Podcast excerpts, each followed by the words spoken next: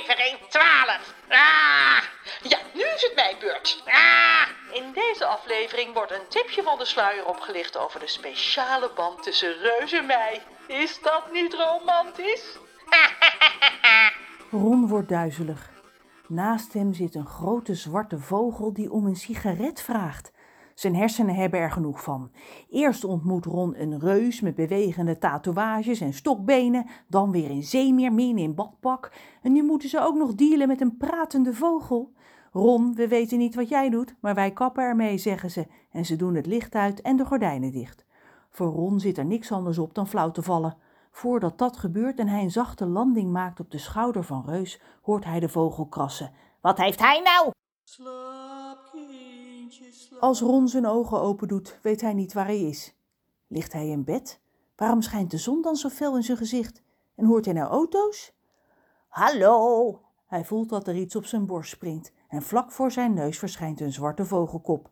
De kop draait en dan ziet hij een glanzend zwart oog dat hem zonder knipperen aankijkt. Daar ben je weer, krast de vogel. Je werd ineens niet goed. Misschien moet je een sigaret, daar knap je van op. Ron rookt niet en dat zou jij ook niet moeten doen, hoort Ron Reus zeggen. Ron komt overeind, nog steeds licht in zijn hoofd. Hij ziet nu dat hij in het gras van de berm zit. De bus staat nog op de weg voor het stoplicht en andere auto's rijden er toeterend omheen als het licht op groen springt. Gaat het, jongen? vraagt Reus. Ron ziet dat hij zijn stokbenen heeft aangedaan. Hij knikt, ook al weet hij het niet zeker. Mooi, zegt Reus. Hij tilt Ron met één hand uit het gras en zet hem op zijn arm alsof hij een baby is en geen jongen van tien, eh, dertien. Kunnen we even langs een benzinepomp, Reus? hoort Ron achter zich als hij in de bus zit. Hij kijkt over zijn schouder. De vogel loopt onrustig heen en weer op de achterbank. Ik moet sigaretten hebben, maar ik ben blut, dus misschien kun je ze me voorschieten. We moeten eigenlijk de moeder van Trudy redden, antwoordt Reus, die achter het stuur gaat zitten en zijn benen op de achterbank gooit. Waa, kijk uit! De vogel kan Reus benen klapwiekend net op tijd ontwijken. Sorry, kraai, zegt de Reus en hij start de motor. We hebben haast. Als ze weer rijden, draait Ron zich voorzichtig om. Jij kan praten, zegt hij beverig tegen Kraai, die nog steeds loopt te ijsberen. Ja, zegt Kraai, terwijl hij de pas erin houdt. Jij ook, dat is dus niks bijzonders. Kraai, wees aardig voor Ronnie, zegt Reus, terwijl hij de bus wat harder laat rijden. Vertel liever hoe je mij gered hebt, dan hoef je niet steeds aan je sigaretten te denken.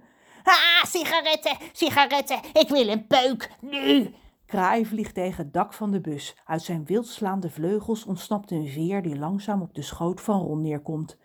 Kraai landt weer op de achterbank en rolt zich op zijn rug. Ik wou dat ik dood was, Krast hij zachtjes. zonder peuk is er niks aan.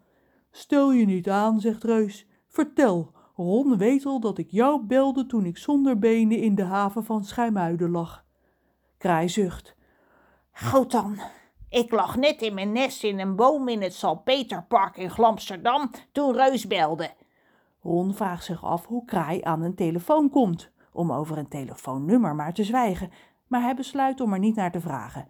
Het kan niet en toch gebeurt het, dus wen hem eraan. Het helpt om dat te denken. Kraai, mijn benen, hij, Pedro. Meer kon Reus niet uitbrengen, maar ik wist genoeg. Want waar Pedro de wonderpiraat is, is ellende. En Reus zat daar duidelijk tot over zijn reuzenoren in. Toen ik vroeg waar hij was, kon Reus nog net schijmuiden fluisteren. En daarna was het stil. Eerst een peuk, dacht ik, want ik moest nadenken en dat gaat beter met een sigaret. Ah, nou denk ik weer aan sigaretten. Kraai hoest. Eén ding was zeker, de woorden benen en hij waren geen fijne combinatie. Dit was overduidelijk een bloederige kwestie. Ron voelt de kriebel in zijn maag weer. Maar Reus boft dat hij mij kent, Zegt Kraai zelf ingenomen. want ik ben arts, een dokter. Hij pauzeert even en tuurt met één kraaloog naar Ron. Die zit met open mond te luisteren. En Kraai vervolgt tevreden zijn verhaal. Dat jong is duidelijk onder de indruk. Ik heb in een boom gewoond naast een gebouw waar mensen voor dokter leerden. Als de ramen open stonden, kon ik goed verstaan wat al die geleerde meneren en mevrouwen aan de studenten vertelden. Eén keer hoorde ik wat je moet doen als iemand per ongeluk zijn arm of zijn been eraf snijdt, bijvoorbeeld tijdens het boterhammen smeren. Het is zaak om de boel dan snel af te binden. Dus toen Reus belde, wist ik wat ik moest doen. Wat dan? vraagt Ron, terwijl hij een hand op zijn maag legt om de steeds sterker wordende kriebel te kalmeren. Wat ik zeg, afbinden. Er moest een strak verband om de stompen van zijn benen om het bloeden te stoppen.